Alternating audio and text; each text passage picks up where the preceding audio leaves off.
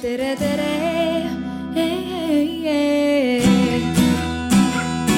Eestimaa.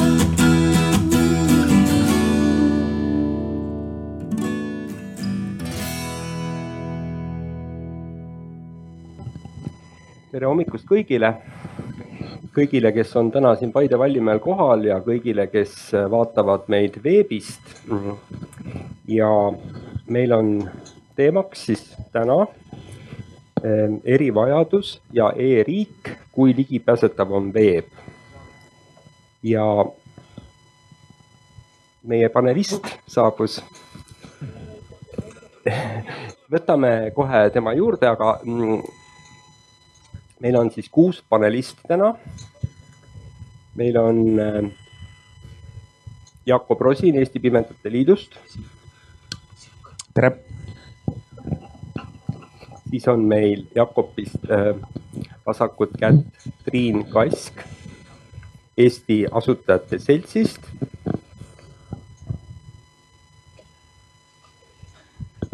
tervist, tervist.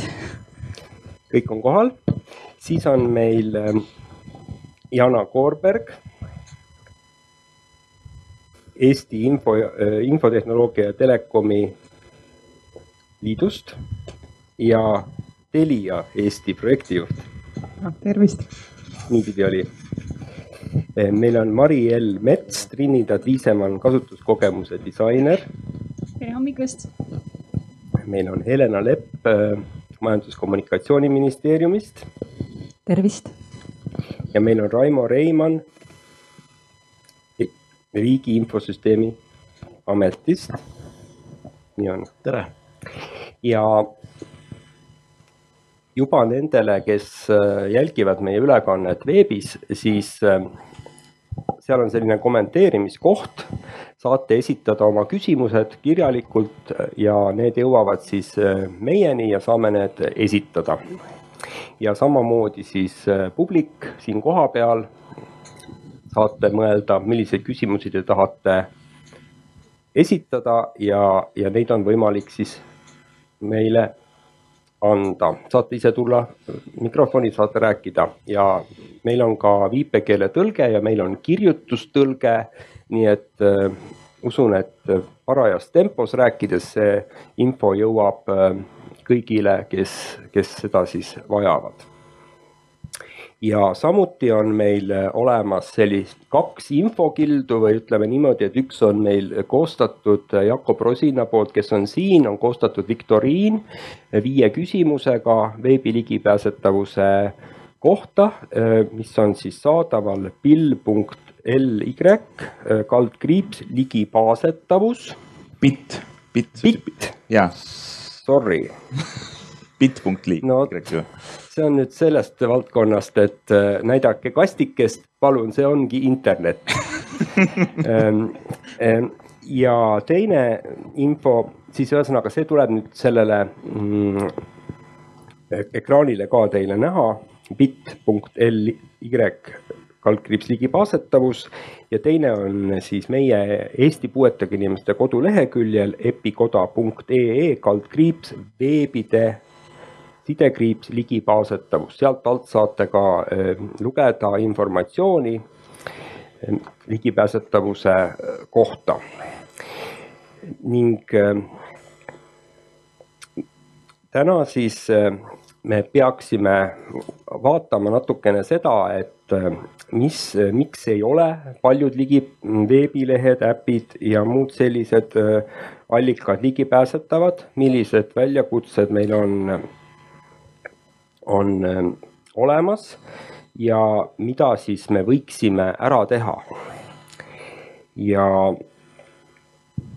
kui ma nüüd küsikski kõigepealt meie panelistide käest, et tänasel hetkel selles keerulises teemas, et kui te toote välja ühe sellise võtmeasja või ühe sellise teema, millega te täna kõige rohkem tegelete ja millega võib-olla on kõige rohkem probleeme et ma alustaksin äkki majandus, majandus-kommunikatsiooniministeeriumist, et mis on teil selline hetke kõige tähtsam asi, sest et äh, Euroopa Liit on ka võtnud vastu terve rida ähm, seadusandlikke otsuseid, mis kõik on vaja ju üle võtta.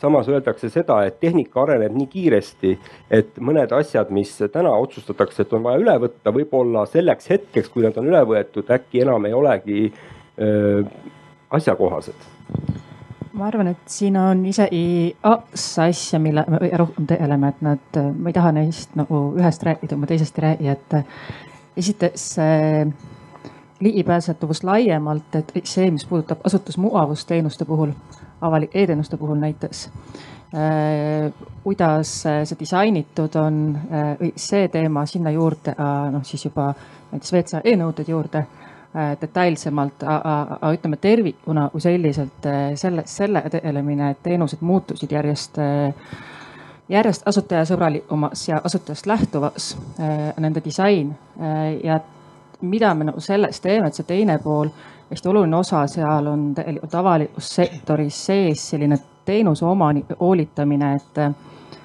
et e-teenuseid nähtakse hästi tihti sellise infotehnoloogilise teemana, et tegelikult on küsimus selles, et teenustel on äh, ei ole päris hästi paigas teenuste omanikud, kes siis peaksid vastutama selle teenuse igapäevase toimimise eest.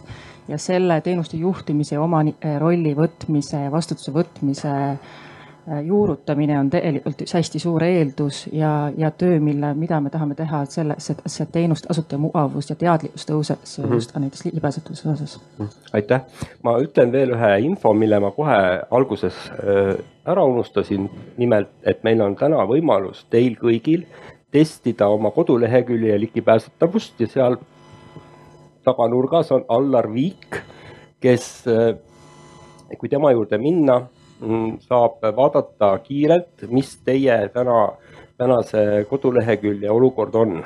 aga aitäh. Küsiksin, eh, Mariel, sinu käest, et mis teil on kõige sellisem põletavam või sellisem kõige suurema fookusega teema, mida teie praegu teete? Ma arvan, et äh, ikkagi veebide ligipääsetavuse kõige suurem probleem on praegu see, et teadlikkus on lihtsalt niivõrd madal kõigis osapooltes. et üks pool on tõesti see tellija, et kui veebilehte tellitakse, ei osata tihti panna äh, rõhku ligipääsetavusele, näiteks äh, mahuhinnangud koostades ja, ja üldse ei kirjutata hangetesse sisse sellist asja nagu ligipääsetavuse tagamine või testimine ja teine pool on äh, need, kes selle veebilehe päriselt valmis teevad, et äh, tegelikult tänased veebidisainerid, arendajad ja testijad ei ole saanud vastavat haridust äh, ka ülikoolist. ja eks ka neid noh, iseõppimine on üks asi, aga selliseid täiendkoolitusi on ka väga raske täna leida, et põhimõtteliselt sellist üldist teadlikkust tõsta kõigis osapooltes on esimene punkt, et ma arvan, sellest tuleb alustada mm. -hmm. Jakob, küsiksin sinu käest, et teie ju Pimedate Liidus puutute igapäevase teemaga kokku.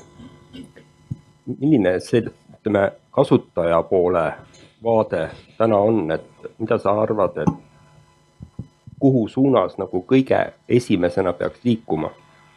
No kasutaja poole vaade on, ideaalseid olukordasid on äh, väga raske leida, kus kõik oleks äh, hästi äh, nii-öelda norida, kritiseerida ja, ja vigu leiab igalt poolt. aga, aga ma olen kõne, eelkõnelejatega selles mõttes nõus, et laiemat pilti vaadates on siiski teadlikkuse tõstmine väga tähtis. seda tegelikult äh, kõikide poole, poolte vaatest, nii tellija, nii arendaja äh, ja mingil määral ka kasutaja, sellepärast et äh, ega lahendusi ju tuleb igapäevaselt juurde, erinevaid süsteeme mõeldakse välja ja neid kahe kõiki standardiseerida ei ole võimalik või kõikide puhul nii-öelda levinud metoodikaid kasutada. et selline töö noh, näiteks meie Eesti Pimedate Liidu seisukohast on, on jällegi ongi mitmepoolne, ühelt poolt me viime läbi testimisi, veebilehtede testimisi äh,. jälgime, mis probleemid on, anname soovitusi ja teine pool äh, on see, et me ju ka nii-öelda tutvustame kogu seda teemat, me viime seda teemat üldse rohkem pilti, näitame seda, kui oluline see on, sest et äh, jah, kahjuks veebi ligipääsetavus kipub olema sageli selline nähtamatu probleem, et kui, kui nii-öelda tavaline inimene läheb äh, veebilehele, siis ta ei pruugi märgata seal ligipääsetavusprobleeme. aitäh, Jana, Telia, suur firma, väga paljud kliendid kõik erinevad vajadused. et äh, kui nüüd äh, klient oma, oma sellise tagasiside teile annab, äh, midagi ei toimi, mismoodi te seda siis käsitlete? et mis teil seal nagu võimalik on ära teha? Mhm. no ütleme siis nii, et tagasiside, kui juba tuleb, on väga hästi et äh, seal on oma, oma selline tööprotsess, et see jõuab ilusti arendusmeeskonnani ja, ja võib-olla just sellega, et julgemalt pöördutakse, rõhutakse rohkem ka selle, seda tähelepanu probleemidele, eks ju, puudujääkidele.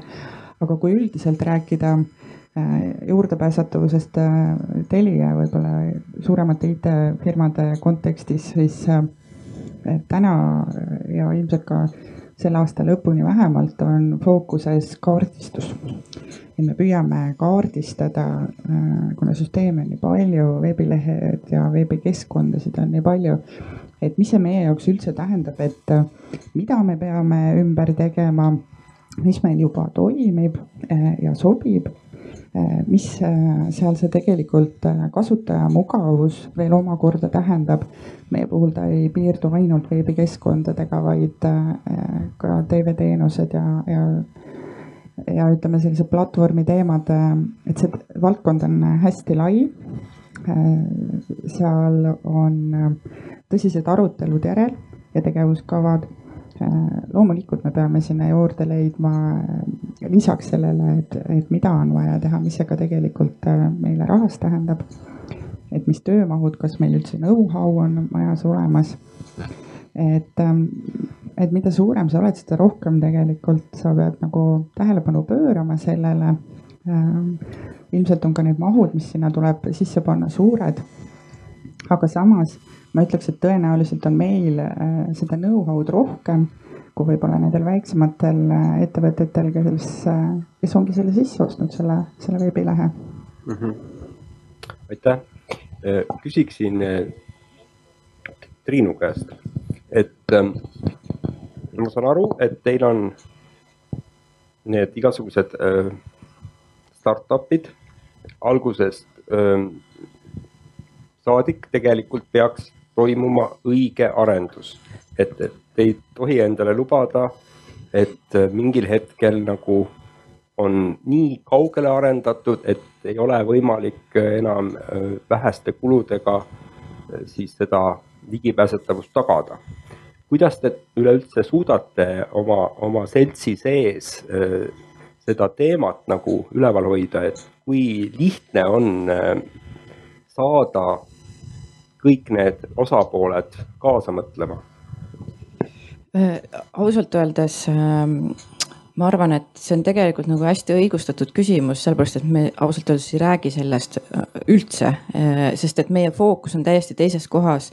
ja see tuleneb tegelikult lihtsalt startup'i mudelist, mis on see, et kui sa tahad oma startup'iga kuhugi jõuda siis kõige vähem seksikam on see, kui sa ütled, et su sihtgrupp on mingi vähemus. Äh, ja investor, kes investeerib sinu startup'i, tema tahab, et sa saaksid kätte väga suure mingisuguse turuosa. Äh, ja et sa lähed kiirelt äh, fokusseeritult sellele sihtrühmale. ja kui sa ütled, et see on vähemus või see on keegi, kellel on erivajadus, siis investor ütleb, et noh, see on hästi tore, et sa seda teed, aga ma tahan, et sa tood mulle raha. et ma investeerin sinusse sellepärast, et sa saaksid kätte ikkagi selle, selle enamuse ja, ja seda teist asja sa võid pärast teha, et siis, kui teil juba hästi läheb. ja siis selles mõttes see küsimus on nagu õigustatud, et, et kui juba on nagu arendatud sellele enamusele nii-öelda ära, et kuidas siis äh, seda arendust kohandada vähemusele et noh, ega Facebook ka alguses ilmselt ei mõelnud seda, et, et kuidas nagu kõiki erivajadustega inimesi näiteks oma platvormile saada, et nad läksid lihtsalt, et saada tudengeid, kes vaatavad pilte ja see oli nagu just, just täpselt on ju nägijatele noh, nii-öelda suunatud, et alles nüüd nad võib-olla mõtlevad selle peale, et kuidas, kuidas ka erivajadustega inimesi oma platvormile saada. Et ma saan aru tegelikult sellest vastusest, et see teema, nagu me siin ennem ka juba ütlesime, et see teadlikkus on madal absoluutselt. Mhm. Äh, riigi pool muidugi on natuke teistmoodi, et äh, riik nagu teeb oma teenuseid kõikidele, sealhulgas äh, nendele väga paljudele inimestele, kellel on erivajadus. no nii on äh,, aga noh, see on riiki võrreldakse ka tihtipeale startup idega ja, ja no üks niisugune suur äh, nii-öelda probleem ja küsimus ongi niisugused konkureerivad prioriteedid et riigilt oodatakse odavalt, kiiresti head universaalset lahendust, noh, mis ilmselgelt on võimalik, võimatu, et noh, tegelikult vali kaks heal juhul nendest ja ülejäänud, äh, ülejäänud kannatavad. Noh, omalt poolt on üks asi, mis ma julgen öelda, et Riigi Infosüsteemi Ametis kõikidel hangetel on WCAG nõuded äh, nõutud. Kohe kindlasti. ütlen, et meie kogemused nende arendajate disaineriga on äh, seinast seina kohati, et tase kõigub, aga omalt poolt noh, see on nagu üks, üks nagu hästi kindel nõue ja noh, me tegeleme ka sellega, et pakkuda siukesi standardseid raamistikke ja, ja põhimõtteid.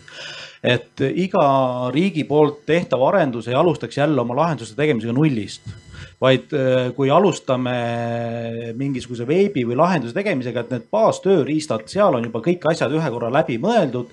ja kui keegi tahabki omal nii-öelda uut lahendust luua, siis nii-öelda startup'i kombel ta võtab selle tööriistakasti kätte, tal on äh, baasasjad juba lahendatud ja ta saab hakata seda nii-öelda ägedat ja vajalikku lahendust looma. et ta ei pea hakkama uuesti mõtlema nendele baaskomponentidele sest noh, tegelikult reaalsus on selles, et kui me loome veebi ja mõtleme või lahendusi üldse, et noh, tegelikult eh, noh, veeb on ainult üks kanal.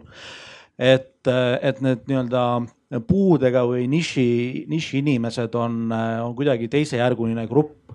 et noh, tegelikult nad on et kui sa nii-öelda nende vajadustega arvestad, nad on väga lojaalsed kliendid sulle ning noh, minu, minu lemmiknäide on need teekannud või veekeedukannud kõigil on kodus äh, kanned, kus on niisugune ümmargune, paned plõksti peale ja saad, äh, saad vett keeta hästi mugavalt.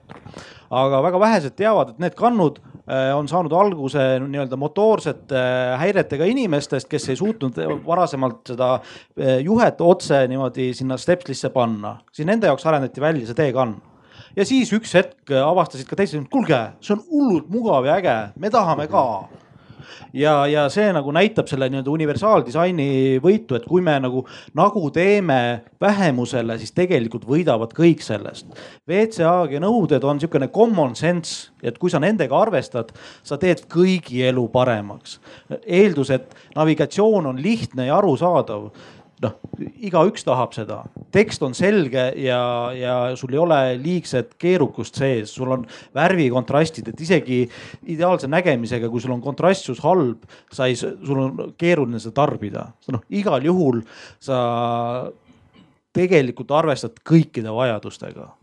et ja, ja noh, üks, üks osa sellest arusaamisest on ka see, et noh, probleem ei ole digitaalne, et me ei saa loota, et loobime probleemi pihta tehnoloogiat ja siis kuidagi asi laheneb, see on kakskümmend viis protsenti, ülejäänud on mindset, lähenemine, kuidas me teeme, mida me teeme, miks me teeme et äh, nagu see on, teadlikkus, arusaamine ja, ja mis kasu saavad kõik sellest, et ei ole mingisugune marginaalne grupp, et noh, investor võiks väga hästi aru saada, et kui sa lahendad probleemi ära alateenindatud äh, sihtgrupile, siis nad on sinu klient, sest mitte keegi teine seda klientuuri ei teeninda see on meeletu kasvuvõimalus.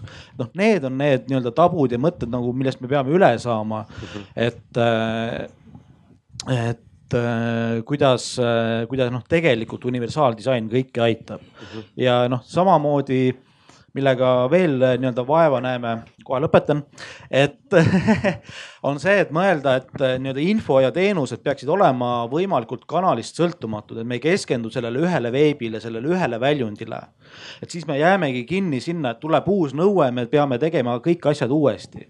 kui me kogu aeg mõtleme, et võib tulla palju kanaleid, erinevaid äh, lahendusi, aga meie sisu ja teenus on juba tehtud kanalist sõltumatult võimalikult universaalne, siis äh, nende väljundite lisamine on võimalikult lihtne. Mhm. aitäh, Jakob tahab kommenteerida seda. ja ma tahtsin natuke laiendada seda, äh, seda ka mõtet ka, et tegelikult äh, ma arvan, et siin ongi teema enamus selles, et äh, me noh, see digitaalne osa, see, kuidas me selle ära lahendame, on, on ju nii-öelda noh, lihtne, eks ole. aga mõtte, mõtteviisi muutus või mõtlemise muutus on, on see, mida me tegelikult äh, soovime näha ja just seesama, et tegelikult ka puudega inimene on maksev klient, täpselt samamoodi on maksev klient, äh, ma ei tea, eakas või, või noh, kaudselt, eks ole, lapsed ja nii edasi, kes, kes seda teenust kasutama hakkavad. et et see, see kõik nii-öelda tuleb nii-öelda tagasi sellele firmale, et see, see on, see on tõenäoliselt on investeering äh, natukene pikemalt ette, aga, aga kindlasti noh, seda kasu on nii-öelda äh, näha, näha mitmeti nii suurfirmade poole pealt, aga ka tegelikult väikeettevõtete poole pealt. ja just seesama, äh, mis, mis siin nüüd välja tuli, see platvormist sõltumatus. no meil on ju tegelikult sihtgrupi mingitel lahendustel nii palju, kui mina räägin näiteks nägemispuudega inimeste seisukohast. meil on äh, Eesti kontekstis on see, see, see natuke keerulisem, aga põhimõtteliselt tekivad ju meil, meil on nii palju nii-öelda selliseid häälepõhiseid kasutajaliideseid. Alexad ja Google'id ja kõik asjad, neid ei kasuta mitte ainult äh, puudega inimesed, kasutavad autojuhid, kasutavad inimesed, kes on koristajad, kes kasu-, kes peavad samal ajal tööd tegema oma silmadega, aga mõte võib olla mujal ja sellepärast äh, tulekski võib-olla natukene laiendada seda platvormi äh, mõtet, et me ei loo seda nüüd ligipääsetavaks ühele väiksele sihtgrupile, vaid tegelikult see jah, kasu suurendab paljudele teistele mm. -hmm. Jana tahtis kommenteerida ka vahepeal seda. jah, et kui me räägime, paratamatult see raha teema tuleb sisse, et on sihtgrupp ja, ja tegelikult reaalsus on see, et arenduseks on üks summa kelle hääl nagu kõvem on või keda rohkem on, eks ju, et see, see võib-olla siis pääseb esile rohkem, et, et selles mõttes ongi tänuväärne et äh, seal tuleb appi riik oma seadusandlusega ja juhib seda tähelepanu ettevõttele, et äh, kuule, et sa pead siia ka panustama rohkem, on ju et paratamatult need äh, huvigrupid on, on ikkagi balansist väljas, eks ju. et see tavakasutaja, kes tegelikult teagi võib-olla erivajadusega inimese maailmast midagi ja sinna alla ei kuulu ainult puudega inimesed, seal on tegelikult ju vanema generatsioon motoorikahäirega inimesed, eks ju, kes võivad hoopis mingist haigusest tingitud olla, seal on lapsed, kes hoopis, kelle jaoks ligipääsetavus tähendab hoopis mingite asjade keelamist, on ju. et, ähm, et see on palju laiem seltskond ähm, et see, see, et riik appi tuleb seal minu arust ongi nagu oluline, et siis ähm, me inimlikul tasandil saame sellest väga hästi kõik aru, et see, see on vajalik. ja loomulikult äh, ütleme, see, see vähemuses olev kasutaja on väga tänulik ja tegelikult sõbralik ja abivalmis ja, ja toetav ja lojaalne. Ja me väga hindame seda, aga, aga noh, turumajandussituatsioonis äh, see raha ei teki lihtsalt niisama, et, et aga zoom ime sinna sisse et kõik äh, kulud peavad olema põhjendatud ja ka see tuleb seadusandlusest. ehk selles mõttes ma saan natuke niimoodi aru, et äh, jõuliseid toetusmeetmeid võib-olla oleks ka vaja selle asja Need korraldamiseks? Need on juba olemas tegelikult, et äh, seadusemuudatus, mis septembrist hakkab kehtima, eks ju, äh, juba oluliselt nii-öelda suunab ettevõtteid sellega tegelema, seal on, seal on kontrollmehhanismid taga, eks ju. et äh, ega valikut ei olegi mm. -hmm Raimo? jah, noh, kindlasti on äh, oluline ka aru saada, et ühel või teisel etapil elus me kõik võime sattuda sinna nii-öelda erivajadustega inimese gruppi, et ma võin jätta oma näpud auto ukse vahele, ma võin saada ägeda silmapõletiku, ma ei näe enam. ma olen nelikümmend palavikus ja mul on vaja infot kiiresti kätte saada, aga mul nii-öelda kognitiivsed võimed on tänu sellele olukorrale piiratud, et noh, kõik need asjad, et äh, kõike juhtub ja, ja see, see, et mul praegu seda nagu ei ole vaja, ei tähenda, et mul homne päev seda vaja ei ole. et see on ka nagu üks oluline asi, et noh, ongi, me teeme seda tegelikult kõigile, mitte ainult üksikutele. ja no siin selles mõttes ju riigi poolt, eks ju, Helena, et me ju kogu aeg viime seda piiri kaugemale, mida me soovime näha, mitte just sellest erivajadusest lähtuvalt, vaid kasutajasõbralikkusest lähtuvalt. aga mm, äkki sa kommenteerid nüüd neid sügisest muutuvaid seadusandlikke pooli, et ma saan aru niimoodi, et mina ei ole kursis sellega, et kuidas nüüd riik konkreetsemalt hakkaks toetama ettevõtjaid, et nad saaksid need lahendused toimima.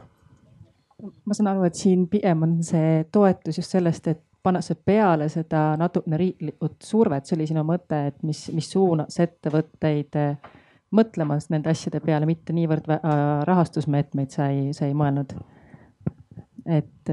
ja ikka seaduslikku nõuet. jah, et, et selles mõttes, et lihtsalt, lihtsalt siit jäi nagu selline korra umama, et mis siin mõeldud oli, et, et. Et jah, pigem see on selline nõuete kehtestamine, mis tuleb siis Euroopa Liidu poolt hästi tugevalt ja et meie riigina no otseselt ei saa avali- äh,, erasektori teenuseid niimoodi kujundada, et see, mis tuleb Euroopa Liidu poole pealt, seda me saame lükata. et äh, et pigem see on just selline seadusandliku poole pealt, et otseselt rahaliselt me ei toeta erasektori teenuseid mm. -hmm.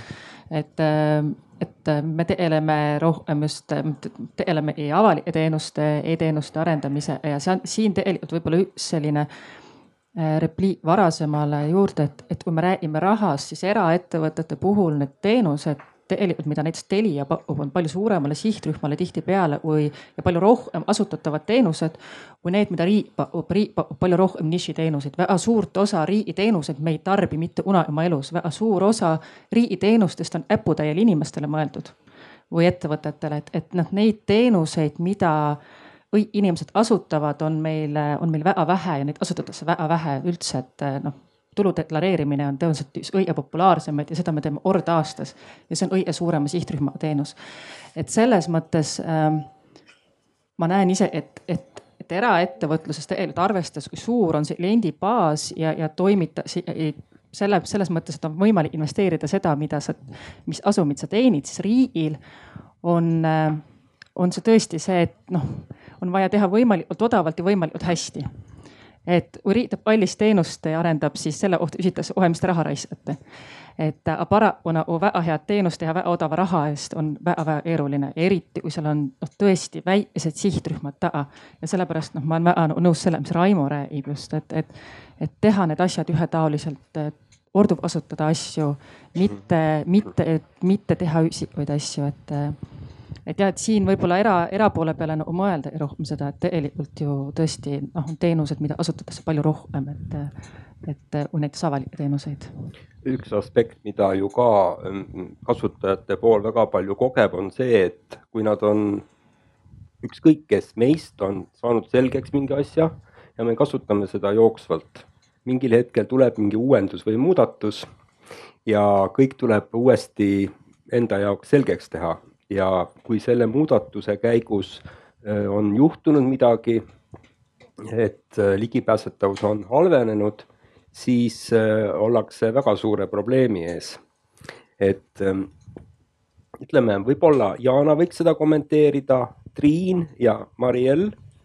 Ähm, kuidas te sellesse muutmise, ütleme olemasoleva teenuse kodulehekülje või millegi muu muutmise protsessi äh, nagu kujundate, et see oleks äh,, suudaks nagu kõikide kasutajate rahul, rahul, kõikide kasutajate vajadusi lõpuks ikkagi rahuldada? ma toon siin mõned näited, näiteks, et äh, osaledes äh, Äh, riigi rakkerühmas, äh, ligipääsetavuse rakkerühmas me tegime selliseid kasutatavuse testimisi äh, nii avaliku kui ka erasektori lehtedele. ja seal tuligi välja see, et näiteks riigi erinevates e-keskkondades toimub sisse logimine erinevalt. ja kui kasutaja on harjunud näiteks ühtemoodi sisse logima, siis teises keskkonnas see käitub hoopis teistmoodi eriti probleemne on äh, see siis äh, näiteks pimedate puhul, kui sa ei näe, et keskkond on noh teistsugune, noh, see näeb teistsugune välja ja väljad asetsevad teistmoodi, aga sa nagu eeldad, et äh, kuna tegemist on peaaegu samasuguse keskkonnaga, mida sa ennem kasutasid, et siis võiks ju samamoodi toimida, aga paraku toimib hoopis teistmoodi.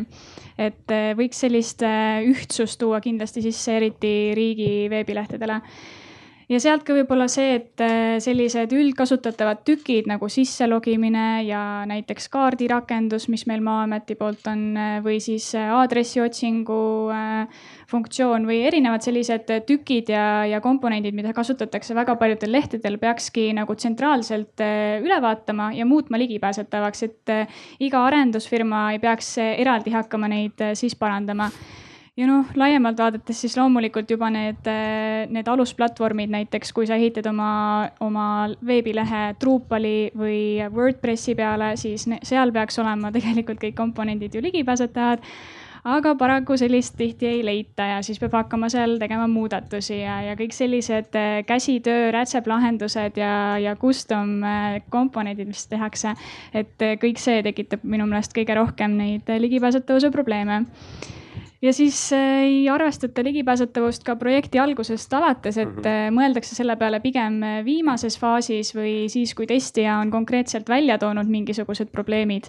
et, et kui siis alles hakata ligipääsetavuse peale esimest korda mõtlema, siis ongi kõige suurem rahakulu, sest et kõik asjad, mis on valesti juba ehitatud, on vaja siis ümber ehitama hakata võib-olla mõned näited veel sealt eh, samast kasutajakogemuse testimisest, mis me tegime. et näiteks vanad inimesed, eh, neil võib olla just halvenenud nägemine kontrastide suhtes, et eh, ühel e-poe lehel oli siis otsingukast oli selline hästi hele hall ja vanem naisterahvas ei näinudki seda otsingukasti ja ta ei saanud äh, otsida tooteid, sest et ta ei märganud seda.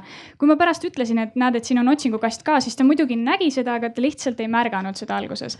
ja samamoodi olid äh, mingisugused äh, märkeruudud, et ma nõustun tingimustega. märkeruut on lihtsalt hele, hele hall ja ta ei märganud, et seal on mingisugune märkeruut, mida peab vajutama, nii et tema ei saanudki sealt edasi liikuda. ja ei ole, tegelikult inimene on kasutanud terve elu arvutit ja peaks nagu olema juba kogenud igasugustes e-keskkondades, aga sellised, sellised probleemid võivad siis teda tabada.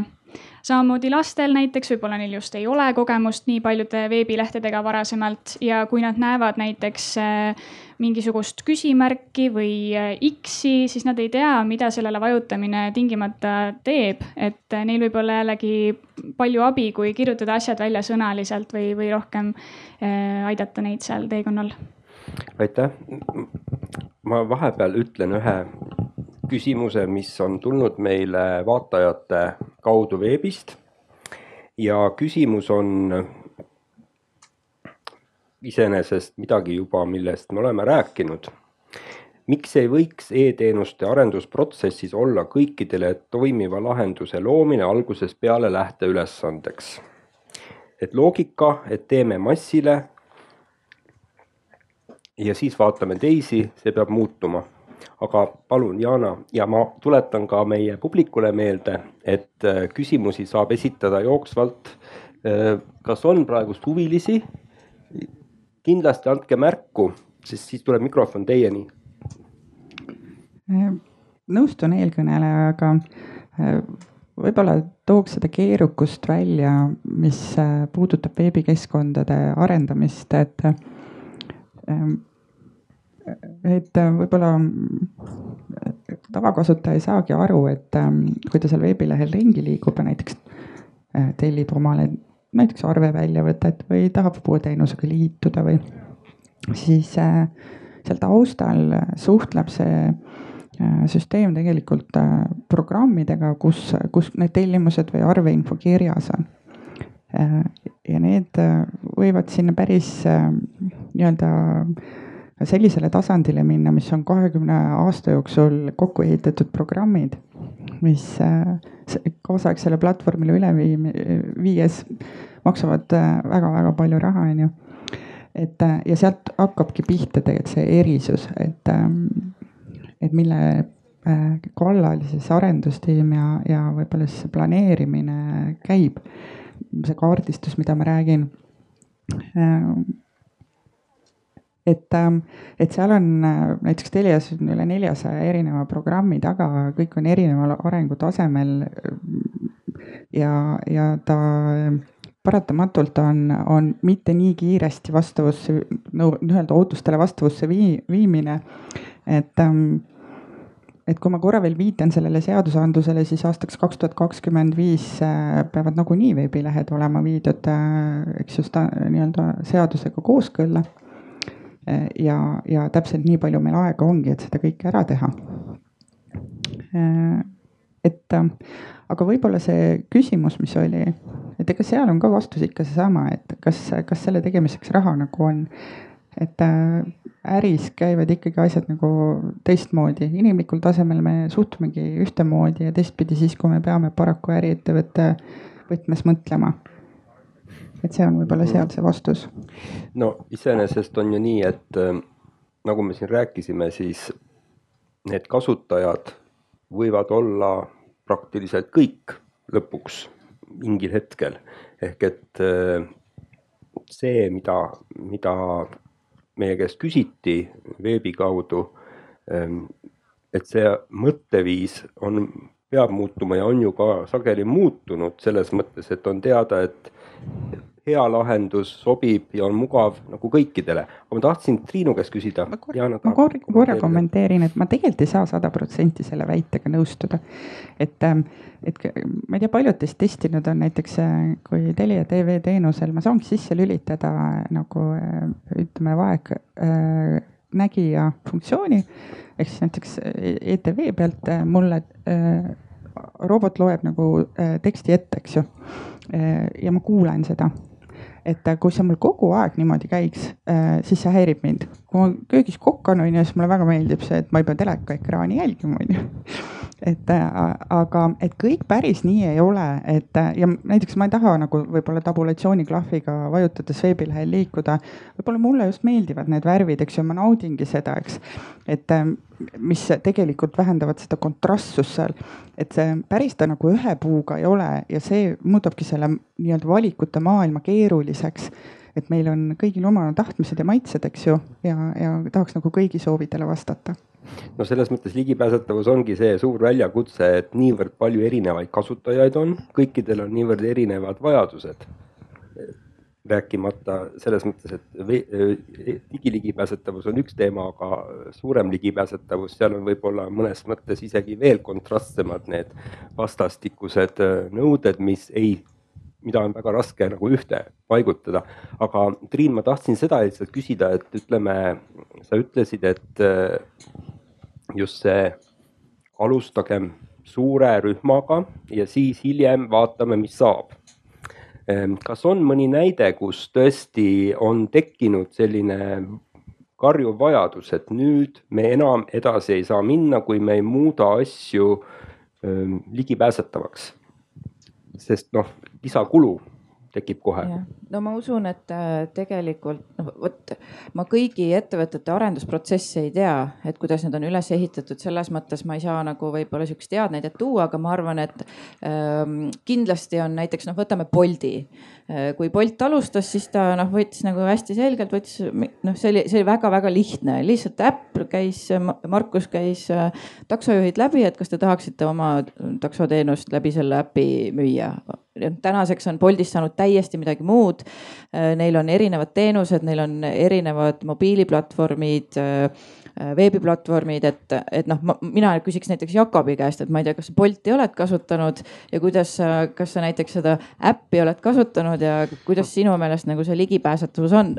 Äh, olen kasutanud ja tegelikult noh, plaanisin seda näidet tuua, aga Bolti puhul on selles mõttes ka niimoodi, et täna seda ligipääsetavust seal kahjuks, vabandust, äh, kahjuks seda ligipääsetavust seal täna ei ole, et äh, nägemis, kui ma räägin nägemispuudega kasutaja seisukohast, on äh, seal väga palju probleeme äpis, mis on, mis on, mis muudab kogu selle asja veel keerulisemaks, sest et noh, Bolti kasutus nii-öelda hetked on ju tavaliselt need, kus sul on mingis mõttes kiire, eks ole, sa tellid endale auto, sul on vaja kuhugi jõuda tõenäoliselt aja peale, et mul ei ole aega seal kümme minutit üritada aadressi sisestada. ma tean, võib-olla Mariel pärast kommenteerib ka seda, sest et see oli ka üks ettevõte, keda te vist analüüsisite, eks ole? jah ma kohe küsiks muidugi, võib ju ka küsida, eks ju, et. Ähm, kõik võivad küsida et äh, Jakob, aga võib-olla sul on nagu noh, kui sa Eesti startup'ide peale mõtled, et noh, üldiselt me oleme sellised nagu hästi avatud ja paindlikud ja, ja tahame nagu neid lahendusi pakkuda, et, et võib-olla sul tuleb noh, mõni hea näide mõnest Eesti startup'ist, kelle teenust sa oled kasutanud ja, ja kelle äh, tehnoloogiline lahendus on olnud sinu jaoks nagu väga hea või, või hea või rahuldav ma olen, tõepoolest Eesti erinevaid noh, startup'e neid on, neid on tänaseks juba ju, ju nii palju, mis teenuseid sa oled kasuta-, mis, mis teenuseid tegelikult inimesed igapäevaselt kasutavad, võib-olla seda enam ise märkamatagi, eks ole. aga, aga noh, selles mõttes me oleme ise äh, mõndasid ettevõtteid või mõned mõtte ettevõtted on meie poole pöördunud äh, sooviga ligipääsetavust äh, täiendada, oma, oma, oma keskkondasid parandada. aga, aga, aga noh, hästi sageli, mis meie näeme, ongi see, et, et kui me oleme selle esialgse nõustamise ära teinud ja nad saavad aru, et, et tööd tuleb noh teha ka siis äh, ja, ja sellele ka kaasnevad tõepoolest mingisugused äh, ajalised ja rahalised kulud, siis tavaliselt see sinna jääb seisma, et ka, et, et startup'i sektor täiesti arusaadavalt äh, kohati ei saa pidevalt väljaminekuid teha, aga see ongi, ma arvan, see koht, kus peaks just rõhuma sellele, et see ligipääsetavus oleks nii-öelda nullist kogu teenusega kaasas, sellepärast et siis selle arendamine noh, ei tule kallis, siis ta on loomuliku arenduse osa. sa arendad teda täpselt samamoodi nagu sa lood endale kodulehele, eks ole, mingisugust menüüd, mingisugust nuppu, sa lihtsalt teed ta kohe ligipääsetavaks. kui me hakkame seda tagantjärgi tegema, siis loomulikult tuleb kõik uuesti üle käia ja selleks kulub äh, nädalate, kuude viisi, eks ole, tööd. et äh, ma arvan, et see on see sektor, kus äh, kuna, kuna nii-öelda rahalised võimalused on piiratud, eriti algusaegades, tuleks nii-öelda mõelda sellele teemale kohe noh, eos kui me hakkame esimest rida kirjutama, onju. Mhm. Mariel. Äh, ja ma tooks Raimo. sellest samast Boldi testimisest ühe toreda näite veel, et äh, testisime seda ka eaka kasutajaga, kes äh, on selles mõttes väga moodne, kasutab nutiseadet, kasutab Bolti. ja ta rääkis mulle, et ikkagi päris kehv on see, et kui ta on kuskil kodust kaugel, tundmatus kohas võrdlemisi ja ta tahab tellida sinna endale takso järgi, siis see selline vaade, kus sa pead oma Äh, asukoha siis äh, kaardil ära märkima. seal kaardi peal on, kõik on jube hall, tänavad on hallid, muru on hall, majad on hallid ja kui see ei ole su kodukoht ja sa ei tea täpselt, kuidas need majad seal jooksevad ja kus need tänavad on, siis on väga keeruline äh, panna paika oma asukoht seal kaardi peal ja, ja veel sealt sammuke edasi on see, et see kaart ei toimi päris äh, sellisel tavapärasel moel, et äh, sa liigutad äh, kaarti, vaid sa tegelikult liigutad vist oma asukohta seal peal, ühesõnaga natukene teistmoodi kui tavaliselt ja juba see tekitab sellisele kogemustega eakale kasutajale siis kasutajamugavuse probleemi seal Raimo tahtis kommenteerida. ja, et ei, ma tahtsin öelda, et meie oleme ka kasutanud äh, seda nii-öelda tutvustamise teenust, et kutsusime äh, vaegnägijad enda juurde ja minu meeskonnale mõjus see väga silmi avavalt ja väga motiveerivalt, et just äh, noh, natuke läheb sinna Äh, teadlikkuse teemasse, et noh, inimene ikka tunnetab paremini seda, mida ta ise on kogenud ja mis on nagu tema, tema nagu igapäevase elu äh, osa ja, ja pärast seda nii-öelda külastust on minu meeskonnas äh, palju sagedam küsimus, aga kuidas me teeme nii-öelda ligipääsetavust. et see on väga-väga äh, aidanud, et üks on siis need isiklikud kohalkäimised, tutvustamised, kuidas see maailm töötab. ja noh, teine, teine on ka siuksed nii-öelda laborid, võimalused, kus äh, inimesele, et kas pannakse siis silmad täitsa kinni, erinevad prillid, et kus ta noh, igaüks saab kogeda, et mida see tegelikult tähendab, mismoodi see maailm siis välja näeb ja see aitab ka väga tugevasti tekitada seda tunnet, et kuidas ja kelle jaoks ja miks me neid asju teeme. nii Jakob, palun ja siis ma vaatan, kas on äh, huvi küsimuse esitamise vastu mm. -hmm. selle, selle nii-öelda teadlikkuse või selle ligipääsetavuse loomise osas on, on nagu veel üks selline laiem äh, situatsioon äh,, kui me räägime ettevõtetest hästi sageli on see ligipääsetavus, äh, kui, kui meil, kui mõni, mõni, mõni koduleht, ettevõte, kus on miski ligipääsetav, on see sageli tänu ühele-kahele inimesele selles äh, ettevõttes. kellelgi on tuttav, keegi on näinud, kellegagi on räägitud ja keegi mõistab seda probleemi ja temal on võimalus seda enda nii-öelda töölõigus rakendada ja seda ka ta teeb.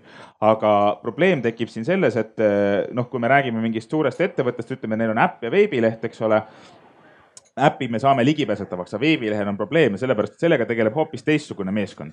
et siin on hästi oluline see, et, et kui ligipääsetavusest rääkida, siis äh, me ei, ei pea ära veenma seda nii-öelda IT-osakonda, meil on vaja ära veenda nii-öelda läbivalt kogu ettevõtte selline poliitika. et me ei loo ainult ligipääsetavat äh, veebilehte, aga me näiteks koolitame välja ka oma teenindajad, kes reaalselt klientidega suhtlevad, äh, olgu siis telefonis või, või, või kontoris, eks ole. et mul on noh, väga häid näiteid, mul on hea näide Eesti ühest ettevõttest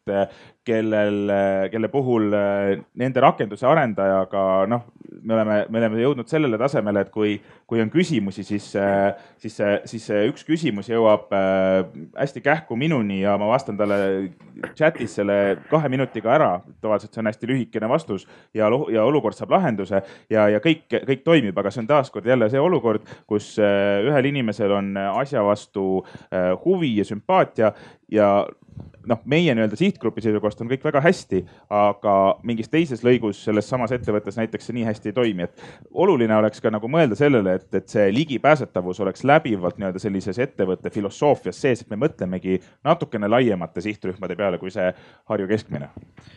no me minu, minu meeskonna kõige revolutsioonilisem mõte üks hetk nendel ligipääsetavusprobleemidega oli eh, mõte, et äkki me peaksime oma veebiarendajatele, et kui nad nii-öelda töid üle annavad sprindi lõpus, et siis äh, juhtiv arendaja või kes tööd üle annab, et temale paneme, seome silmad kinni, et las ta siis, äh, las ta siis navigeerib selle veebiga niimoodi läbi ja teeb oma ülesanded, et kui, kui ta sellega hakkama saab, et siis on äh, töö vastuvõetav ja hästi tehtud. Triin, palun mul on muidu jälle küsimus, et äh, ligipääsetavus, et see kõlab nagu sellise hästi universaalse mõistena, et, et kuidas me seda nagu selles mõttes äh, noh, kui ma lähen nüüd sõnumiga meie startup'ide juurde, et kuulge, oh, et noh, et teeme nagu kõik ligipääsetavaks. et äh, Jakob ütles, et kui nullist teha, et siis on nagu tegelikult jumal tehtav, et teeme ära ja, ja, ja las Jakob tuleb, testib ja, ja siis äh, kohe ongi korras. aga kas nagu Jakobi ligipääsetavus on sama, mis on näiteks selle vanuri ligipääsetavus? Ligipääsetavus või, või kurdi inimese ligipääsetavus või, või mingi motoorikahäirega ligipääsetavus? Ei, et äh, kindlasti ei ole, et äh, kahjuks ongi niimoodi, et äh, nii palju, kui on kasutajaid, nii palju on ka erinevaid viise veebilehe kasutamiseks, mis neile erinevatele inimestele mugav tundub. et näiteks motoorikahäirega kasutaja ei pruugi kasutada hiirt, ta võib näiteks kasutada navigeerimiseks klaviatuuri, erinevaid lüliteid, andureid, selliseid näiteks, et sa puhud ja puhumise teel siis arvuti saab aru, kuhu sa tahad liikuda või sa liigutad oma silmi ja mingisugune seade siis jälgib su silmade liikumist või pilgutamist, et nii palju erinevaid tugitehnoloogiaid on olemas. ja tõesti, vanurid ja lapsed, neil on kõigil erinevad probleemid, et õnneks meil on selline natukene standardiseeriv dokument nagu äh, WCAG et äh, kust äh, siis tõesti on väga kaua tööd tehtud ja kokku pandud sellised ligipääsetavuse nõuded, mis peaksid siis võimalikult paljudele inimestele ligipääsu tagama aga kahjuks äh, tegelikult ükski keskkond ei saa olla ikkagi sada protsenti ligipääsetav, sest ikkagi kuskil keegi on, kes kahjuks ei ole võimeline seda veebilehte kasutama. Noh, see on äh, noh, mõnikord võib-olla julm koht, aga, aga noh, öelda ja aktsepteerida, saada aru, et eh, kuhumaani ja kuidas eh,, kuidas pingutada, et noh, kas eh, tagada veebis sada protsenti ligipääsetavus või arvestada sellega, et mõnda teenust või mõnda osa sellest teenusest on efektiivsem ja parem pakkuda siis kas nii-öelda füüsiliselt või mingeid äh, teisi kanaleid. et me ei äh, suru kõiki inimesi tarbima nii-öelda ühes digitaalses kanalis, kui tegelikult neile võib sobida palju parem teistsugune lahendus ja, ja noh, ülejäänud see üheksakümmend üheksa protsenti jälle võidavad sellest. seal tulebki näiteks see ligipääsetavuse juhend või selline kasutusjuhend ka mängu, kus võikski olla kirjas, millised osad veebilehest on ja ei ole ligipääsetavad ja milline on siis alternatiiv nendele mitte ligipääsetavatele osadele. näiteks ongi siis, et saab helistada või mingile muule veebilehele minna, kus sarnast äh, asja saab teha. ja samuti võiks seal olla tegelikult teema kokkuvõte ka eesti viipekeeles, et äh, vaegkuuljad saaksid ka paremini selle info kätte Jana, palun. et äh, see teadlikkuse tõstmine, et missugused tarkvarad äh, on olemas, missugused seaded on olemas, et tarbida, eks ju, sealt veebist seda infot ja mõlemapoolselt, eks ju, et, et üks on see, kes on veebilehe haldaja, et tema omab seda infot ja siis see kasutaja, eks ju, omab seda infot. et, et haldaja võib ju teha vastavusse, eks ju, ja, ja pärast kasutaja ei oska seda kasutada täpselt samamoodi teenusseadmed, kõik, mis, mis käivad sellega kaasas, et, et nende juba tänane funktsionaalsus saaks kasutatud maksimaalselt, on ju. aga et siis oma klienti nagu kuidagi ka harida, et see info jõuaks temani. et see kõik on sihuke suur-suur kompott, on ju, mitte ainult see, et ma viin ligipääsetavuse standardile vastavaks oma veebilehe, et see on üks esimesi samme ilmselt, mida kõik peaksid ära astuma. et see on võib-olla see vastus, mida startup'id ka peaks tegema samas on ka see, et ütleme niimoodi, et äh, see, et me helistame Jakobile, kes on üks, ei ole ka ju jätkusuutlik lahendus, et meil peab tekkima äh, selline noh, võrgustik või, või selline oskusteabe koht. Ja antud hetkel natuke on siin juttu olnud sellest, et mis hakkab juhtuma, kui see arendus on laual sa ütlesid, Jana, et me peame aru saama, kas meil on endal see teave olemas, me oskame seda ise teha või me peame kuskilt seda otsima hakkama. et äh, tavakasutajale, kes ütleme, istub kontorilaua taga ja mõtleb, et mida me nüüd järgmisena peaksime nagu parandama. ta ei pruugigi ju kohe üldse aru saada, kuhu ma pöördun, mida ma nüüd teen ja Eesti Puuetega Inimeste Kojas öö, oleme me ka palju kokku puutunud sellega, et meile tulevad pöördumised. kui on väga spetsiifilised, siis me ka helistame Jakobile, ütleme nii, aga me ei saa seda teha lõpmatuseni selles mõttes, et mingil hetkel tuleb nagu piir ette, et me organisatsioonina, kes tegeleb väga paljude erinevate teemadega, meil jäävad käed lühikeseks ja see on, see on selles mõttes asi, mis eh, meie nii-öelda sihtrühma või võrgustiku poolt ja ma räägin siin mitte ainult siis Eesti Pimedate Liidust, vaid eh, nii-öelda Eesti Puuetega Inimeste Koja kontekstis erinevatest eh, puudeliikidest tuleks ära, noh, meie peaksime tegelikult leidma võimaluse tekitada neid eksperte juurde, sest et tõepoolest neid inimesi, kes täna suudavad nii-öelda ligipääsetavuse osas anda nii-öelda sellist pädevat nõu, on noh, hästi vähe neid ei, neid ei ole tõepoolest palju, on ju, et noh, see helistame Jakobile nali on siin noh, ei ole ka nagu väga nali kahjuks. et minul, minul on õnneks ka paar inimest, kellele, keda ma saan veel soovitada, kui kalender täis saab. aga, aga, aga, aga asja mõte tegelikult Mariel seda ka kogu selle vestluse alguses korraks mainis, et selle kompetentsi tekitamine või see, et, et eh, ma, ma saan saata oma firma inimesed kuskile koolitusele ja nad saavad seal rahulikult sellest ligipääsetavusest kuulda, teada noh, põhjalikumalt on ju, kui ütleme, mingi tunniajane loeng. Eh, noh, seda võimalust tegelikult täna meil kahjuks ei ole. See on asi, noh, millega me sellega ka tegeleme, mis, mis eh, ja mille, mille vastu nagu vajadus ja soov pidevalt kasvab.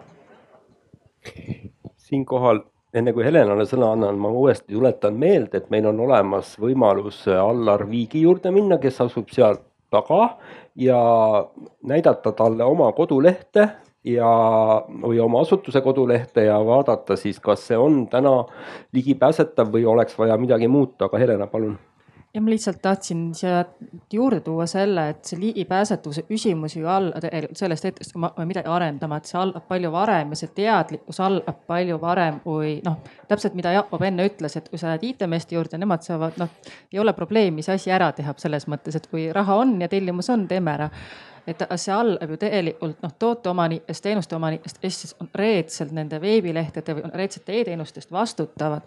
Nende teadlikkusest, et sellised asjad, sellised nõuded üldse on ja, ja, ja ja peaks arvestama õigete sihtrühmade, et see algab palju auamalt pihta, et, et kui me hakkame selle tegelema tõesti alles selles hetkes, kui me tahame noh, ütleme riigi puhul hankesse minna, siis kirjutatakse kiiresti sinna nõue sisse nagu laiem teadlikkus või teadvustamine just teenuse omanike poolt, et, et noh, me peame nende asjadega tegelema ja, ja see on üks väga suur osa sellest, et me loosime äh, asutaja mugavaid teenuseid, et mis, mis, mis võimalikult suurt sihtrühma enda alla hõlmasid.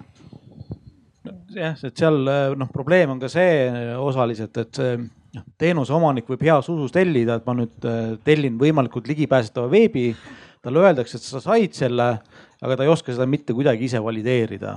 et hmm. äh, see, see on ka sihukene jälle nii-öelda mõttekoht, et kuidas äh, seda olukorda parandada ja noh, nii-öelda startup'ide ettevõtetega, noh kõigiga on just see valik, et kiiresti, odavalt, hästi, vali kaks. Enamusel on kiiresti, odavalt ja siis hästi, seal tulevadki kõik mööndused. ja, ja mul on tunne, et noh, startup idel on reeglina see, valivad ühe ja see on kiiresti. Ja, ja siis äh, äh, noh see on äh, paratamatu osa kogu noh, mitte ainult tarkvaraarendusest, vaid kõigest, mis me teeme, aga need ongi see prioriteetide seadmised ja, ja teadvustus. Jaana kõigepealt ja siis Mariel et selle kasutaja mugavuse ikkagi taandaks sellele, et me täna ja praegu veel mitu aastat ikkagi maadleme sellega, et et kõikidel kasutajatel oleks ligipääs teenustele ja toodetele, eks ju, ettevõttepõhiselt. et äh, mitte see, et meil oleks väga-väga mugav seal toimetada ja, ja kõigi eripärad oleks seal nii-öelda selle mugavuse vaatest nagu olemas, vaid pigem, et, et see, et ma saangi selle info sealt, mida ma tahan, nii nagu ükskõik kes teine ja et ma saan sealt need toimingud ära teha, nii et mul on selge, üheselt arusaadav ja lihtne. ükskõik kui vana ma olen või, või kuidas, mis muud erivajadused mul, mul on, on ju. et äh, see on võib-olla sihuke esmane lihtsalt, et see mugavus kipub sisse tulema, tegelikult see jääb ikka kaugesse tulevikku.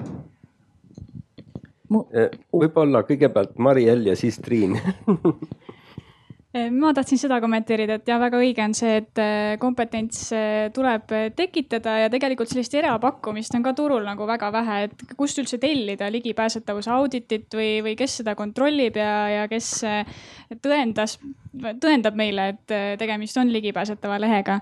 ja siis on veel üks osapool, kui me rääkisime teenuse omanikest, disaineritest, arendajatest ja testijatest, siis kui veebileht on valmis saanud, siis hakkab ju keegi sinna sisu sisestama tegema. ja just see sisuhaldur või see toimetaja on see, kes ka peab eh, omama teadmisi ligipääsetavusest, sest et eh, nii paljud eh, osad ligipääsetavusest on seotud just sisuga. näiteks need pildid, mis lisatakse veebilehele, et pealkirjad oleksid sisukad ja kirjeldaksid artiklit, mille kohta need siis käivad. ja et sisutekst oleks mõistetav ka näiteks põhikooli õpilasele, et ei kasutataks väga keerulisi termineid ja sellist sõnastust sõnastust, millest tavainimene aru ei saa et kõik sellised asjad jäävad tegelikult sisuhalduri õlule, kellel samuti ei ole kuskilt eh, nendele koolitust või, või koolitusmaterjale saada. palun, Triin. ja mul tekkis lihtsalt kohe üks idee, et äh, kuidas seda viia, seda teadlikkust tõsta, et ähm, noh, kui ma võtan kõiki neid ettevõtlust propageerivaid või, või siis juba noh, ettevõtliku teadlikkuse tõstmist kooli tasemel, siis noh, seal väga sageli ka ikkagi süstitakse pigem nagu sellist startup'il või sihuke lean, noh inglise keeles on lean development, et see sellist mõtteviisi, et kuidas hästi kiiresti siis saada mingisugune prototüüp valmis ja seda testida. aga, aga võib-olla siin võiks hoopis proovida nagu kahte ülesannet neile anda, et üks on siis, kuidas kiiresti asju teha ja teine on see, et kuidas noh, võttagi üks erivajadusega inimene ja talle teha lahenduse, et me ei oleks, et noh, et saaks nii-öelda see sihuke äriline mõtlemine ja teiselt poolt ka siis äh, laialdane missioonipõhine mõtlemine kokku. aga ma näen selles nagu ohtu selle koha pealt, et noh, ma näen, olles ise äh, pikalt IT-ettevõtet juhtinud, siis äh, noh, ma näen seda, et kui ma ütlen, kui me näiteks arendajatega oleme arutanud, et okei okay,, et proovime teha siis nagu selle tausta siin valge, aga mõnele meeldib ju must. ei no mõnele meeldib ikkagi nagu hall ja siis, ja siis arendajad on niimoodi, otsustage ära, et teeme lihtsalt ühe asja ära ja liigume edasi. et, et seal võib tekkida see oht, et kui meil on vaja kiiresti liikuda, siis me hakkame nagu ennast pidurdama kõikide nende samade mõtetega, aga no,, aga siin on see ligipääsetavuse küsimus. et vot see on nagu sihuke nagu sihuke muna-kana või kahe teraga mõõk või ma ei noh, see probleem on või see on tegelikult nagu dilemma küsimus natukene. et kas siis nagu kiirus või paindlikkus või, või, või siis on see nagu raha või on see missioon. Ja noh, see taandub nagu hästi sihukestele põhiväärtuslikele küsimustele, et kuidas me tahame, et meie ühiskonnad toimivad. Et kas me tahame nagu olla humaansed ühiskonnad või kasumile ja majanduskasvule orienteeritud ühiskonnad et see disaini küsimus on väga hea, et, et noh, suurettevõttes on võib-olla juba brändi tasandilt äh, kokku lepitud, kuidas me kujundame asju. Äh, kõik sellised äh, ütleme, disaini pool ja kasutajakogemuse pool on ära kaetud, eks ju aga, aga näiteks ütleme nii, et ka meie näitel juba kompanii tasemel ei toeta see disaini ja kuva pool erivajadustega inimeste vajadusi, et, et see kontrastsus ja et, et ta hakkab väga-väga kõrgelt pihta. Et viia vastavusse ja tegelikult tähendab see tohutult muudatusi ja mitte ainult Eestis. ma vahepeal tuletan meelde veel seda, et vaatajatel on võimalik ka kommenteerida. et selle jõuab meieni see ja meil on ka üks küsimus, võtame selle küsimuse ja siis me lähme edasi oma aruteluga. tere tere! Äh, mina tahtsin küsida, ma esindan Eesti Noorteühenduste Liidu ja ma juba sain aru, et ma saan oma veebilehte seal testida, et äh, väga hästi, et äh, tahaks seda teha. aga kas siis ma ei ole teadlik, et kust ma saan tellida selle audiiti ja Mariel ütles, et kas need koolitused siis on olemas või ei ole, ma ei saanud aru, et kas nendele infohaldajatele, et näiteks mina praegu tõlgin oma veebilehte vene keelde, on ju, ja siis kuidas, kuidas ma seda teen, kas ma saan kuskil seda koolitust, et kuidas ma siis saan kohe õigesti teha ja siis nendele disaineritele ka, kas, kas seda üldse õpetatakse, kui õpetatakse disaini? tegelikult täna see on väga lapsekingades, et äh, mõningad äh, koolitused, meil oli selline koolituste programm küll sisutoimetajale koostöös MKM-iga aga need on nüüdseks lõppenud, et võib-olla tulevad mingisugused lisakoolitused, aga minu teada hetkel ei ole näiteks koolitusasutustes küll selliseid lisakoolitusi võimalik tellida. aga näiteks äh, ma olen äh, tegelikult sinna toolide peale ka laotanud selliseid äh, materjale, et seal on üks link näiteks, kuidas disainida ligipääsetavalt, et seal on mõned näited, mida saab võtta endale kasutusse. ja siis ka selline neljaetapiline kiire testimise viis, lihtsalt kuidas kõik saavad ise kodus kasutada ja proovida oma veebilehte testida aga sisutoimetajatele materjale on küll loodud mingisugune selline infotehnoloogia sisu loomise juhend, kus on siis, kuidas luua sellist ligipääsetavat sisu, et ainult sisu mõttes, kuidas luua tekste, kuidas kirjutada, kuidas piltidele alternatiivsed tekstid kirjutada, et sellised äh, punktid. see on küll üks materjal, aga ma ei oska sellele viidata praegu otse, et võib-olla. aitäh selle küsimuse eest ja siis ähm, seda, seda te teate, et sealt taga on võimalik siin kohapeal vaadata seda oma kodulehekülje ligipääsetavust, aga see on tõesti selline testimine, mis veel ei anna ju lõplikku täie, täie, täielikku vaadet. Anneli, palun. aitäh äh,, väga põnev on, ma olen Eesti Puuetega Inimeste Kojast mm ja mina küsin niimoodi, et äh, siin on inimesi, kes erinevate nurkade alt nagu saavad mõjutada neid protsesse, et meie e-maailm muutuks ligipääsetavamaks. kuidas äh, sihtgrupp peaks äh, teile andma tagasisidet, kui nad midagi märkavad?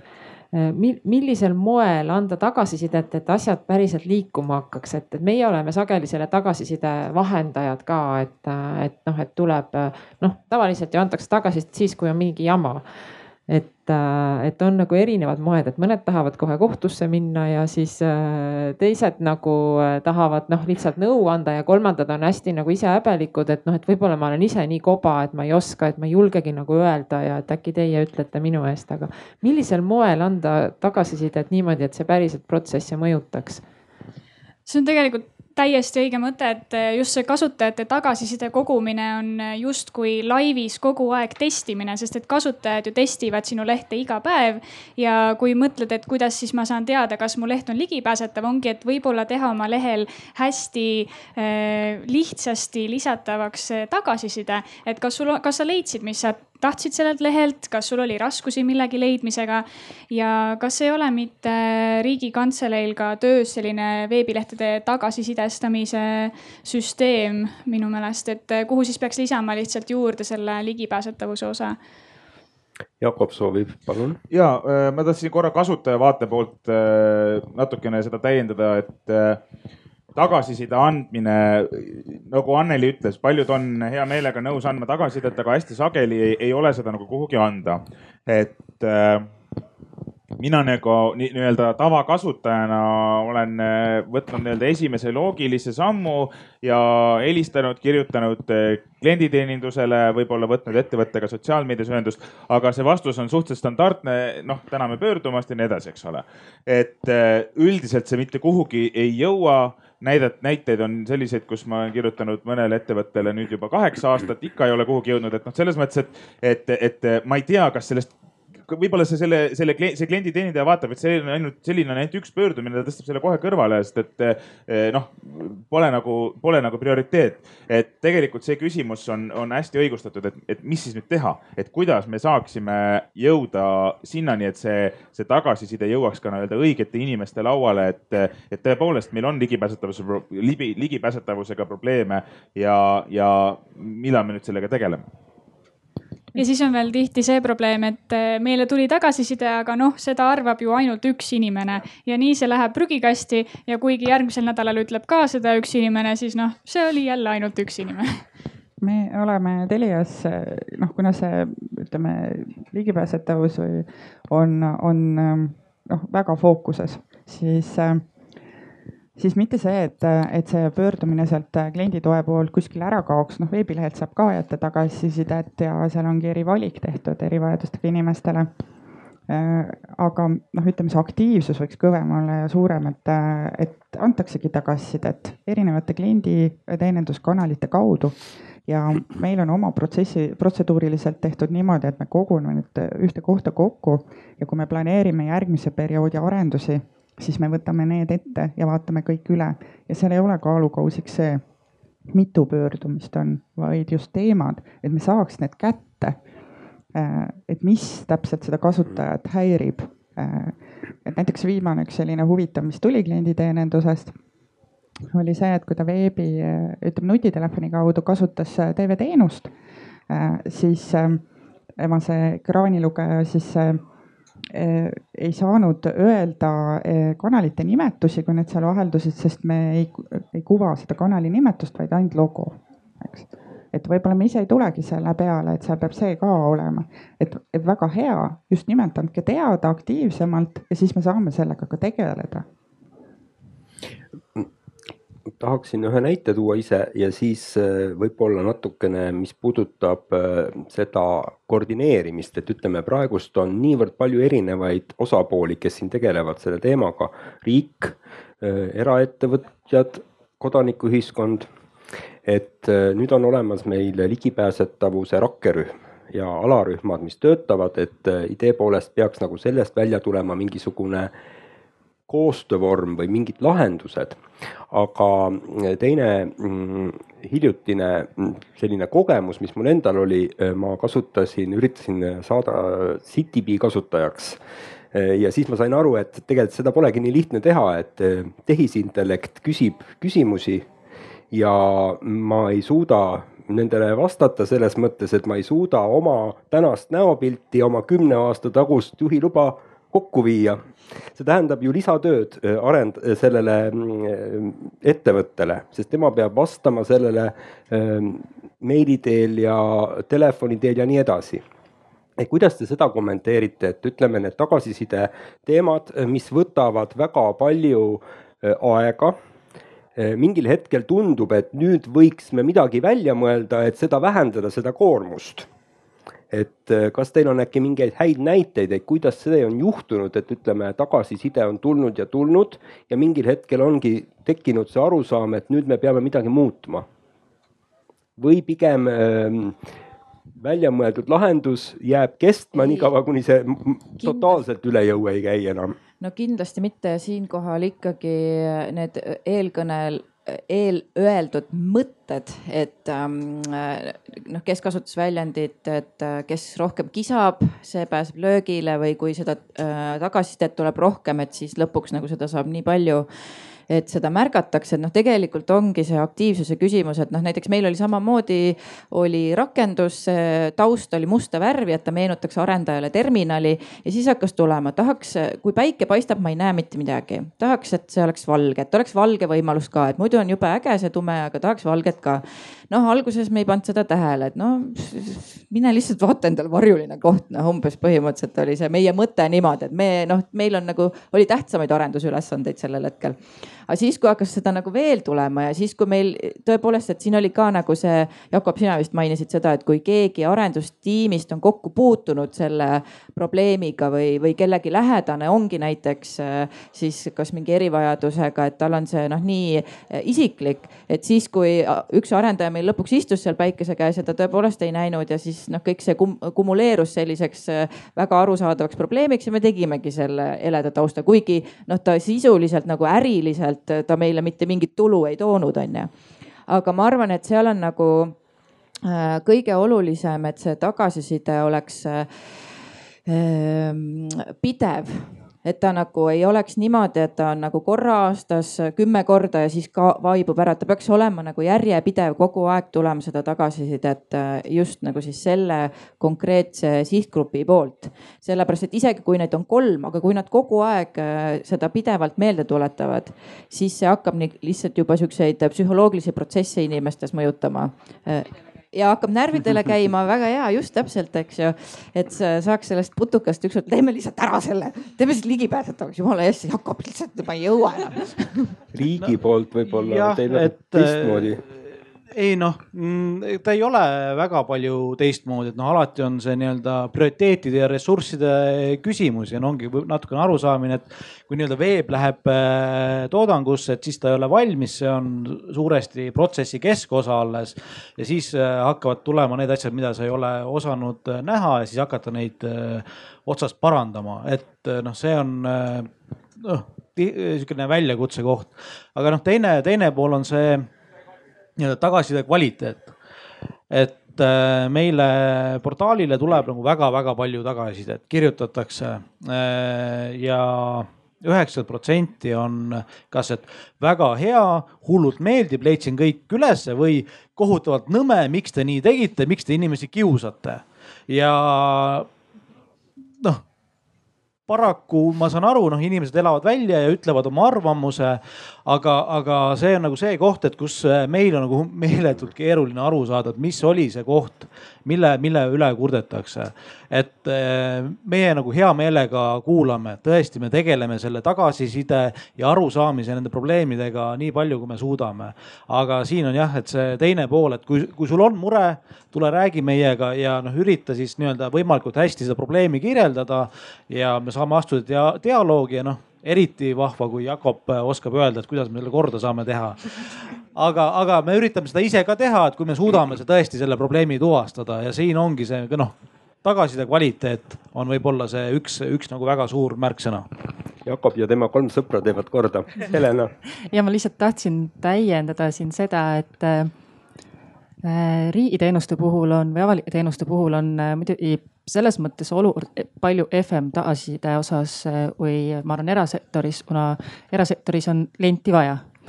Äh, riik on äh, monopol, noh, honoreerivaid samu teenuseid ei ole, mistõttu pahatihti ahjus seda tagasiside andmise ohta ei ole või noh, ei ole tehtud mugav, sa pead leidma mingi kontakti ja kellele kirjutama ja siis lootma, et selle midagi tehakse, et noh, ütleme teiste ees siin on võib-olla sihuke erandlikum, kus tõesti väga süstemaatiliselt tegeletakse selle asutajate tagasiside riigis. me üritame väga jõuliselt suruda seda, et meil tekkis, tekkisid kõikidele teenustele juurde korralikud tagasiside andmise vormid, et äh, vaene inimene ei pea siis äh, pärast seda, kui ta on näinud äh, tund aega vaeva õnnetu teenuse järgmised tund leidma inimest, kellele sellest kirjutada, et. et siin nagu noh, tõesti tasub hästi nagu tõesti samamoodi jõuliselt irjutada riigile, et kui teenus on halb ja mis siis täpselt halb on jah, et, et. et kui muidu lihtsalt irjutada, et nõme on ja halb on, see on tõesti tunne, et noh, et jah, jälle hull on ju. et või lahti selgitada, et, et mis see no, probleem siis oli, et siis noh, tõesti anda riigile rohkem jalad ja märku, et, et, et asju on vaja parandada muidugi riigil on eh, teil selline võimalus ka koordineerida ja kutsuda erinevaid osapooli arutelulaua taha ja anda see tagasiside natuke laiemale ringile kui, kui ainult see üks teenusepakkuja. Ja absoluutselt, et äh, seda me praegu siin äh, noh, tegelikult koostöös Eesti meeskonna hästi tugevalt lükkame seda, et, et teenuste puhul äh, e-teenuste puhul üldse laiemalt hakatakse noh, seda rahulolu mõõtma ja üldse jälgima asutajate käitumist teenustes, rohkem seda monitoorima mm.. kus on vead sisse tulevad ja seda, seda rohkem keskselt, et, et mitte nii, et jälle igas nurgas ise pusiks, vaid seda keskselt ette võtta. Jana. et äh, Eesti on nii väike, on ju, seda näitab Jakobi case on ju, et äh, kas ütleme siis puuetega inimeste erinevad erialaliidud on ju, ähm, toetavad kuidagi seda protsessi, selle teadlikkuse tõstmist. kasvõi see, et kes koolitab startup'e või ettevõtlust, kes koolitab ähm, IT-arendajaid on ju et ega neid ei ole nii palju, et kui nendega kasvõi korra aastas maha istuda ja rääkida neil teemadel, et nad seda ka oma õpilastega räägiks, et, et juba see aitaks palju juurde, et kas selles osas on erialaliidud midagi teinud ka jah, see küsimus on hea küsimus selles mõttes, et äh, mina ütleks nii, et äh, mitte päris äh, väga aktiivselt, selles mõttes, et meie võimekus on olnud katusorganisatsiooni tasandil eelkõige üldine, laiem ligipääsetavus, sellepärast et see on niivõrd lai mõiste, niivõrd erinevate osapoolte vajadustest sõltuv mõiste aga ma arvan, et äkki Jakob, kas sa, sina oskad äkki öelda, kas erialaliidud on rohkem teinud täiesti suunatud koolitusi ma oskan öelda noh, selles mõttes, et eh, Pimedate Liidu seisukohast eh, tol ajal ma küll ei olnud Pimedate Liidus veel, aga mina olen käinud tegemas tõepoolest koolitusi Tehnikaülikoolis, IT-kolledžis, aga see üldiselt ei ole olnud nagu läbiv. ehk teema nii-öelda selline haridusreform on meil olnud laiemalt arutusel ka siit vestlusest mitu korda läbi käinud ligipääsetavuse rakkerühmas, et tuua ligipääsetavuse teemad rohkem reljeefselt esile ka erinevates nii-öelda noh, ülikoolide õppeprogrammides. et äh, see, see, see, see teadlikkuse test, tõus, tõstmine meil täna käibki tegelikult ju noh, läbi erinevate koolituste, läbi nõustamiste, mida me siis teeme nii ülikoolidele, nii IT-firmadele, nii äh, noh, seal neile, kes nii-öelda tellivad ja loomulikult me need aeg-ajalt pakume neid ka ise. aga, aga nii-öelda sellist koordineeritud läbivat suhtlust äh, ülikoolidega, et me saaksime äh, näiteks kuskile õppekavasse ligipääsetava noh, ligipääsetavuse nii-öelda mooduli sisse ei, ei ole tekkinud. Ja noh, me jällegi põrkame ise sellesama noh probleemi otsa, et tegelikult neid eksperte ka ei ole, keda me sinna auditooriumi ette nagu nüüd siis saadame, et kes, kes, kes on, kes saab võtta nii-öelda oma sellest ajast, kui talle kõik helistavad, eks ole, kogu aeg, et siis ta nüüd võtab äh, aja, et anda kursus äh, noh, tudengitele iga, iga, iga semester või, või mis iganes, eks ole.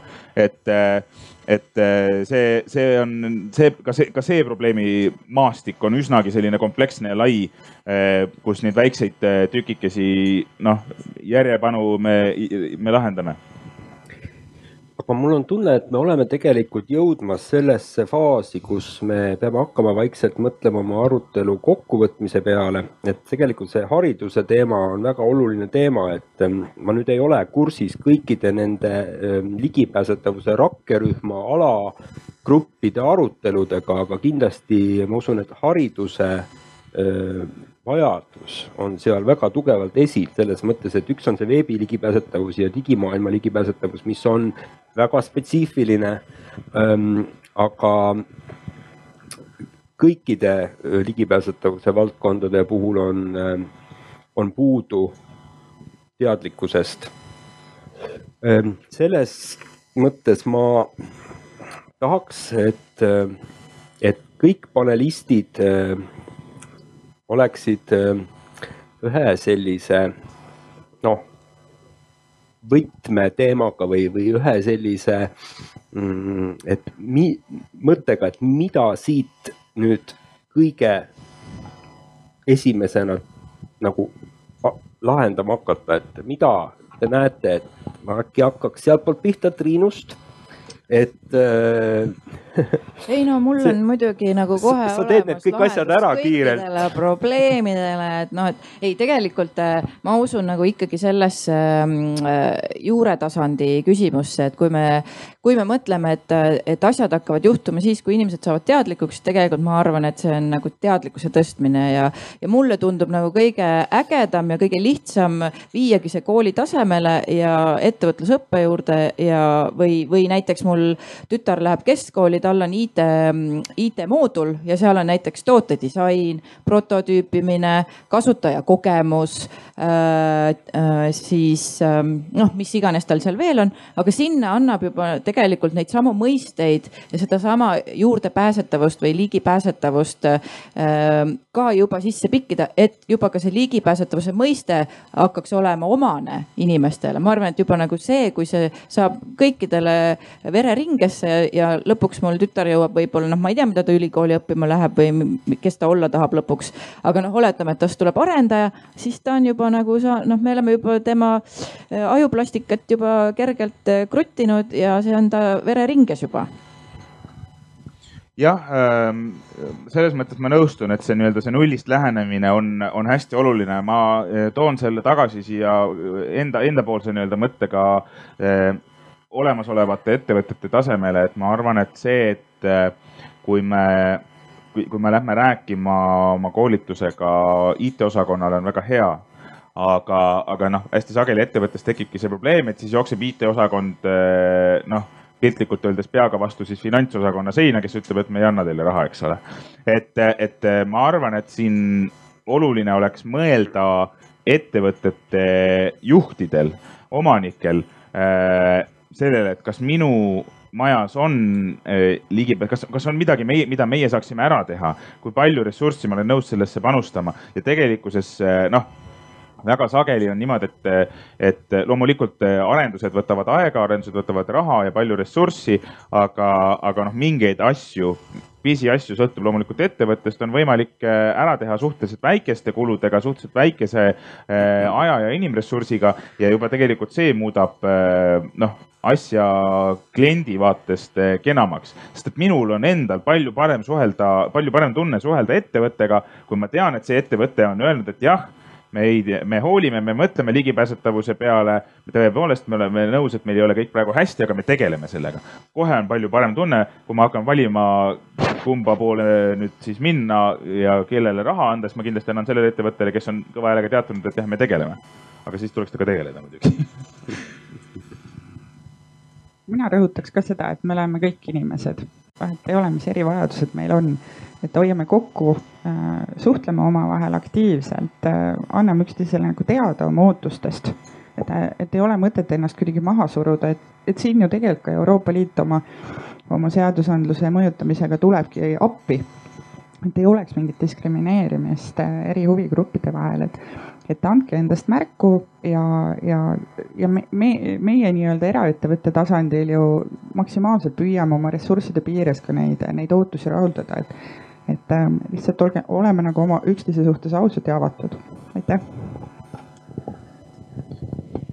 mina ütleksin siin äh, arendusfirmadele, et äh, tuleb alustada ligipääsetavusega ikkagi esimesest etapist, et äh, jah, meil on agiilne arendus, meil on MVP-d ehk siis need minimaalsed väljalastavad produktid või kuidas see on eesti keeles, aga, aga, aga teeme selle MVP ka ligipääsetavaks, et see, see algne kõige olulisem funktsioon ongi juba ligipääsetav, et see tähendab, et analüüsi faasis juba tuleb mõelda iga funktsiooni puhul, et kuidas vaegnägija näiteks seda kasutab, kuidas motoorikahäiretega inimene seda kasutab, kuidas intellektipuudega inimene leiab endale vajalikku abi siis eh, kui asi läheb disaini, siis jällegi tuleb kasutada selliseid disainipraktikaid, eh, mis on ligipääsetavad ja mis ei aja kasutajat segadusse, et noh on päris, äh, tundub loogiline mõelda, et me ei üritagi kasutajat segadusse ajada, aga tihtipeale mõeldakse, et teeme midagi ägedat ja uudset.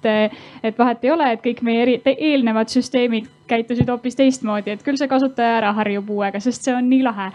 et äh, et natukene on ka nagu Internet Exploreri vanade versioonide toetamisega, et lahedaid asju lihtsalt ei saa teha. et eh, siis, eh, kui asi läheb arendusse, siis eh, seal jällegi tuleb vaadata, et ärme, ärme mõtle võib-olla ise välja kõiki komponente, äkki kasutame mõnda standardkomponenti või, või mingit, mis on kindlasti ligipääsetav, et võimalikult vähe selliseid algusest peale rätseplahendusi teha, vaid tugineda pigem sellistele praktikatele, mis on juba läbi töötatud ja nagu päriselt äh, on ligipääsetavad. ja siis on testimine, et äh, me ei testi juba ammu enam ainult funktsionaalsust, me testime kindlasti disainile vastavust ja me testime kindlasti ligipääsetavust, et ja, ja üks asi, mis sinna juurde veel võiks tulla, on kasutatavuse testimised, et päris inimeste peal testida ka see lahendus läbi ennem kui see läheb äh, siis toodangusse ja võib-olla kaasata sinna ka mõni erivajadusega inimene, et miks mitte, et kui meil on äh, näiteks kümme testitavat, siis las äh, mõned neist olla ka erivajadustega inimesed.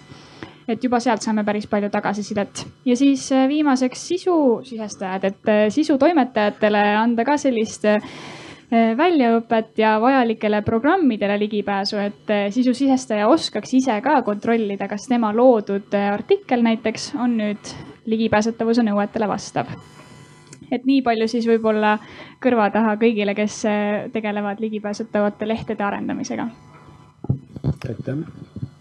kui Jakob tõi siin välja ettevõtete juhid äh, ja nende teadlikkuse tõstmise, siis äh, tegelikult samamoodi sama äh, avalikus sektoris ja sealse juhtkonna, et me näeme seda ise ka, et äh, tihti muutused hakkavad just äh,, me räägime teenuste disainist e, e-teenuste arendamisest, siis asjad muutuvad äh, tihti siis, kui juhtkonnal on äh, tugev toetus, et see asi on prioriteetne ähm,. et, ähm, et rohujuure tasandil võivad äh, tublid spetsialistid rabeleda, kui ülevalt poolt sellele rohelist tuld ei anta, siis asjad ei juhtu.